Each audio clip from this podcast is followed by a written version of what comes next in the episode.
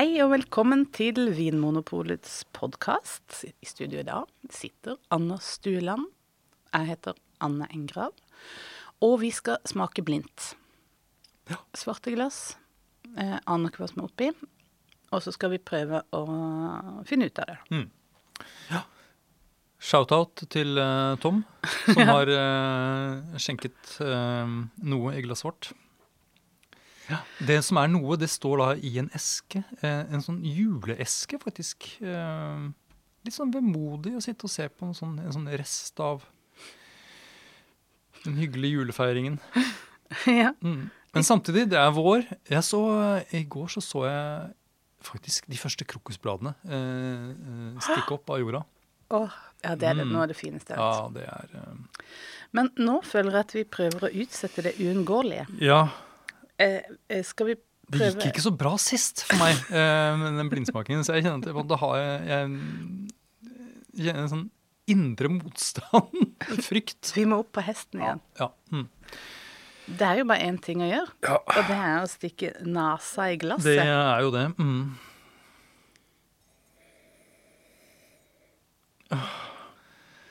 Jeg kjenner ikke så mye. Jeg syns det er vanskelig. Med en gang du sier sånn, Anna, så tenker jeg hæ? Han har rett og rett og feil. Men det er, det er jo vanskelig, det er jo liksom hele poenget. Men Ja. ja, Hva er det du kjenner, da? jeg kjenner øh, røde bær. Og nesten sånn øh, Sånn skikkelig moden øh, appelsin. Sånn appelsinskall. Og eh, eh, Ja. sånn sure kirsebær. ja. Og lite grann yoghurt, kjenner jeg. Nettopp. Det som er interessant, er at jeg også har notert raskt ned her nå rødbær, Ja. men som er litt sånn smådiffust, men, og ikke sånn supermodne. Og så har jeg skrevet ned Du skrev appelsin. Ja. Jeg har notert noe som minner om noe sånn eple-aprikosaktig. Og noe sånn urt. Ja. Og blomst. Ja, altså, jeg, Blomst jo, også. da, jeg, jeg kjenner noe her. Men jeg må, jeg må, jeg må, jeg må konsentrere meg litt for å få det, få det til. Enig. Men det er jo en litt merkelig blanding av eh, aromaer som man knytter til eh, rødvin, mm. og aromaer som jeg kanskje forbinder mer med hvitvin. Det var det som jeg, Det tenker jeg òg. Og jeg tenker at det er litt sånn hmm, Kan vi bare på nesa fastslå om dette er en rød eller hvitvin? Jeg har en teori om at dette er en rødvin, for det er veldig mye sjeldnere å finne røde bær i en hvitvin enn i en, eh, enn i eh, en rødvin. Eh, og det er ja, det er større sannsynlighet for at det er appelsinskall i en rødvin enn at det er røde bær i en hvitvin, da, for å si det sånn. Ja. Jeg tenkte først dette tror jeg er rødvin, og, men nå tror jeg det er hvitvin. Tror du det? La oss smake på den, for det Ja, er jo en ok.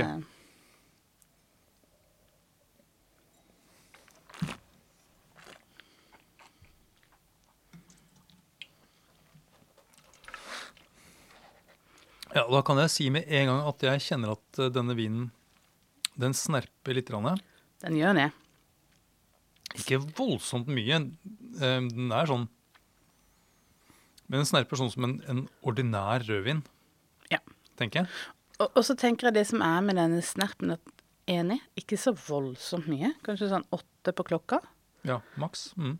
Ja, maks. Men den snerpen som er der, den sitter ganske lenge i. Ja, Den eh, slipper ikke, liksom. enig. Så du tenker at eh, tanninkvaliteten ikke er sånn tipp topp? Ikke tipp topp. Nei. Det er en druer som eh, har hatt litt sånn anstrengt oppvekst, på en måte. At, Litt sånn posttraumatisk stress.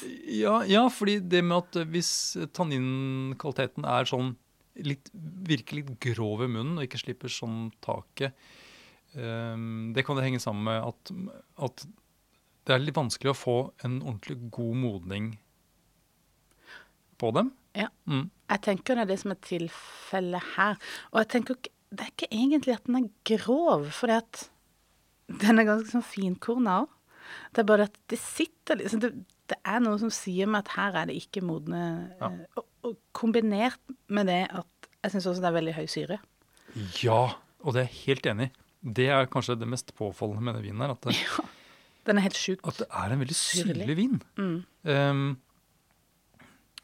så den har jo den, Når det gjelder munnfølelse, så har denne vinen også både rødvinskvaliteter og hvitvinskvaliteter. Ja. Mm, altså Snerpen er jo liksom en sånn typisk rødvinskvalitet, mens en høy friskhet er jo noe som jeg forbinder med hvitvin. Enig.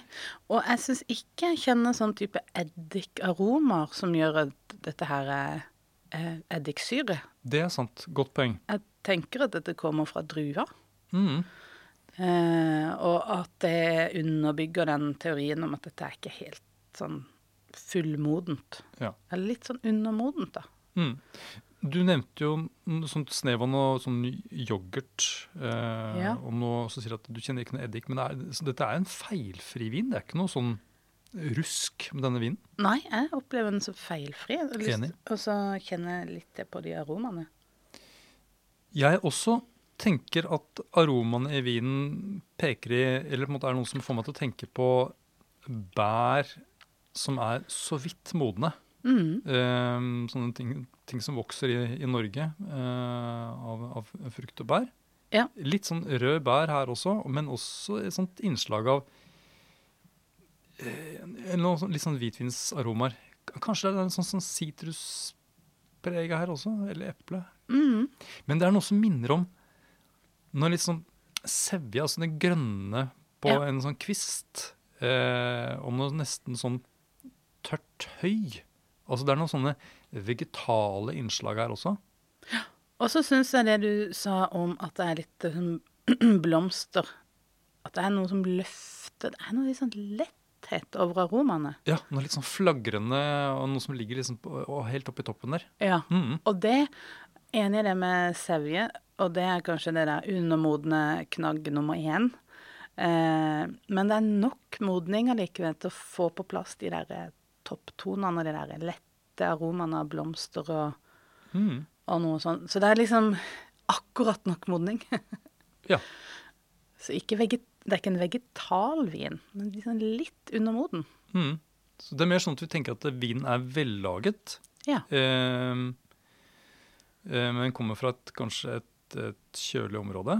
Mm. Um, Og så- og det er fordi at den har nyanser, uh -huh. men vi legger merke til at den har høy friskhet og et sånt aromapreg som eh, ja, som handler om at ting ikke er sånn veldig, veldig modent. Ja. Og så er det en annen ting som jeg legger merke til. Og, og her lurer jeg på hvor mye er reelt, og hvor mye som innbiller meg. Så jeg må bare lufte dette med det. Eh, og det er en slags sånn derre Hva er det de sier på, på engelsk? Så har de et ord som heter savory.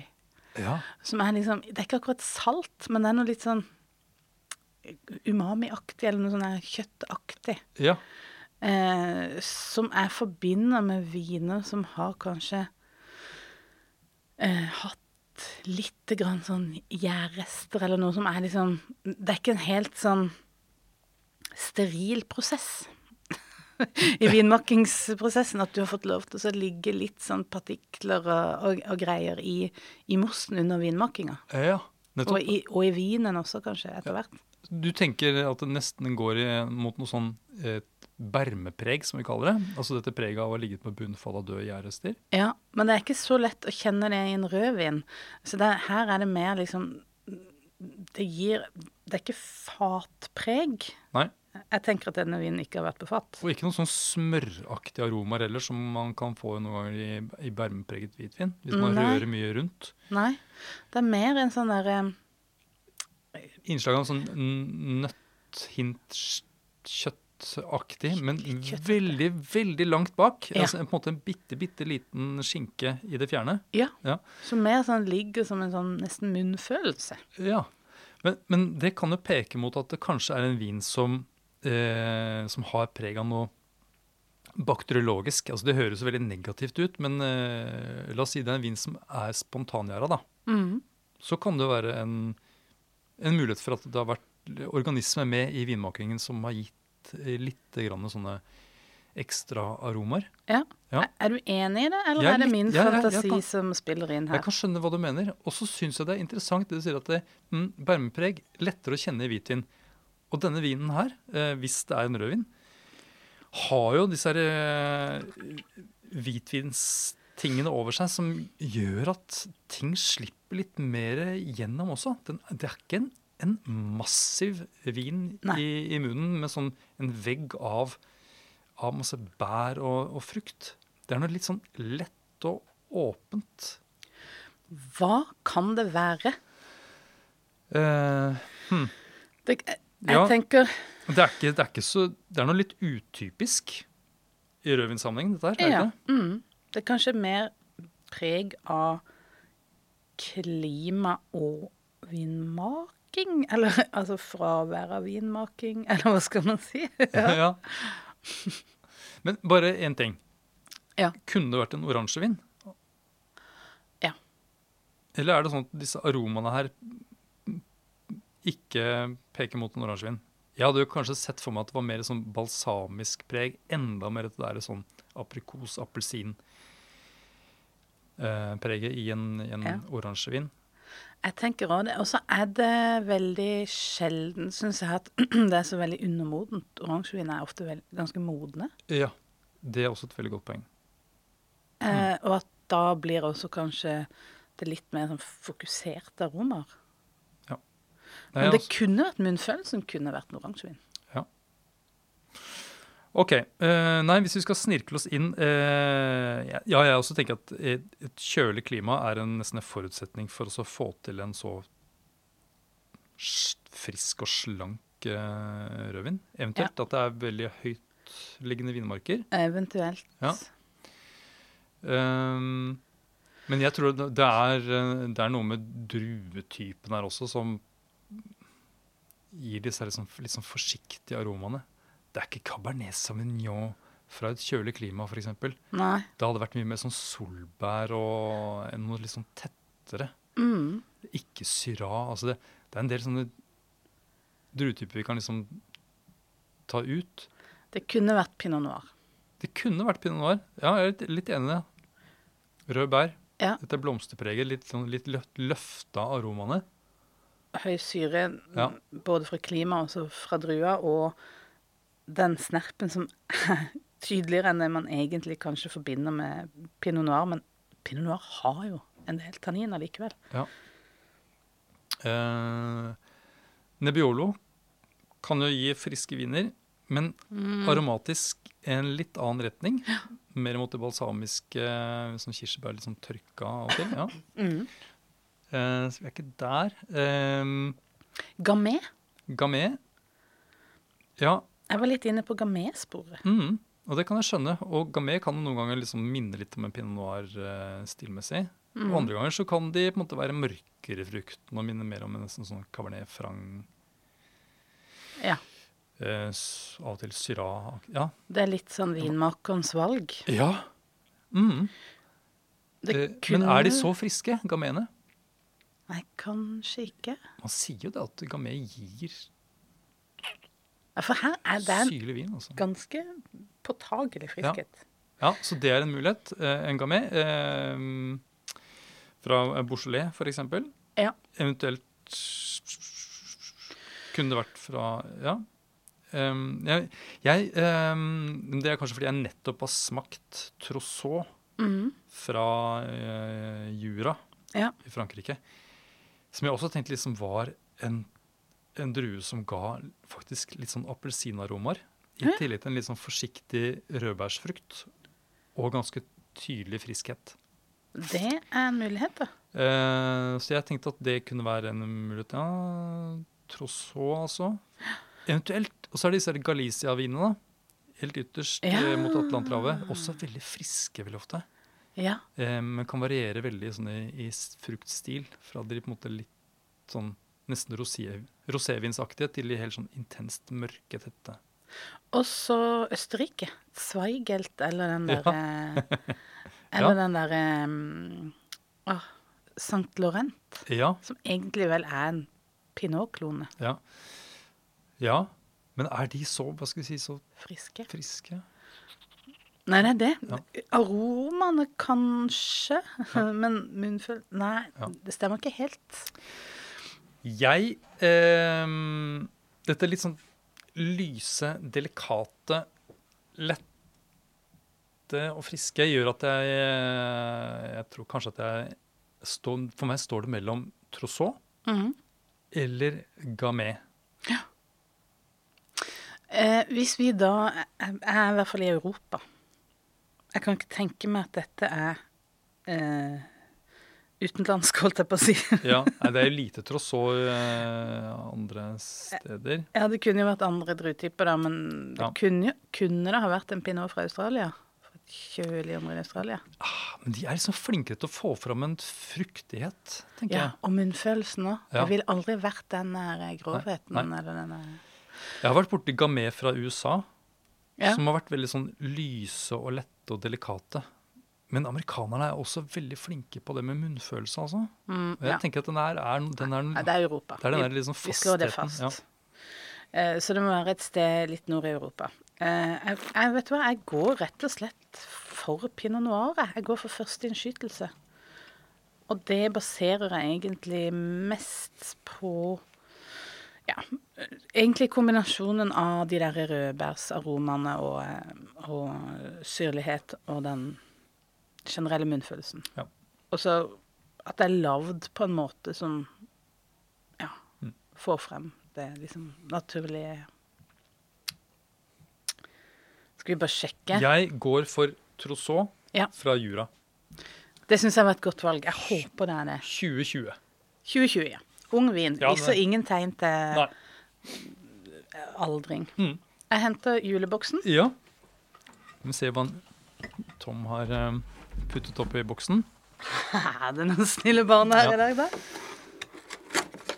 Det er jo det er, det er spennende med sånne viner som Og jeg ser akkurat det derre eh, skjerfet på en måte rundt halsen. Er det et skjerf rundt halsen? Eller sånn et klistremerke rundt Der står det Hva altså betyr det? DOCG. Det er altså en Det er italiensk en vin. italiensk vin. Nå har jeg ikke sett resten. What? Jeg Ja. klarer ikke ja, men kom igjen, da. Ja. Pella Verga. Nei. nei, nei, nei. nei. Jøss. En, en Chianti Rufina, du. Mm, det, er, eh, det er interessant. Og klart at Sangiovese er jo en drue som også gir høy friskhet. Det kunne vi jo Det kunne vi hatt med. Og rødbærsfrukt. Ja. Men at den er så syrlig. Så syrlig, så delikat. Men det er klart, dette her er jo et område innenfor Chianti som ligger Det er et av de høyeste områdene. Mm. Eh, så klart, eh, det kan jo være med. Eh, Og veldig sånn her transparent. ja. Eh, Hvilken årgang er det? 2019 er 2019, årgangen. ja. Nei, men dette her var jo eh, Altså, Chianti Jeg syns jeg syns Chianti er vanskelig å plassere altså stilmessig, fordi de varierer så veldig. Mhm. Um, litt sånn som Gamé kan gjøre av og til. Ja, bortsett fra at her er det enda mer, altså de leker enda med ulik bruk av fat, f.eks. Denne vinen her er jo da uten noe i hvert fall tydelig preg av fat. Ja. Eh, og så kan de variere fra liksom det der animalske til liksom det sånn tette, mørke til um, ja, mer sånn lyse, lette, delikate. Eh, Veldig Jeg er veldig overraska, jeg. Mm. Et eksempel på den liksom florlette Ja. Chiantien, dette her. Og når jeg smaker den på nytt, og ikke sant, du slipper å gjette, man kan vite mer, så er det akkurat som om den derre Det der litt animalske, som du sier, eller det vi, beskrev som bakteriologisk, eller det litt sånn kjøttaktige. Mm. Hvordan som det får litt mer plass. Mm. Det er noe litt sånn Mer av det som ligger under, ikke bare det vi fokuserte på på toppen. Det er en Ja. Men eh, en eh, kjølig stil Chianti, da. Ja. Frisk og, og lett kroppen. Mm. Fiffig. Fiffig. Takk for at du hører på Vinmonopolets podkast. Har du forslag til et tema i podkasten? Send mail til podkast at vinmonopolet.no. I tillegg svarer kundesenteret deg på e-post, chat og telefon.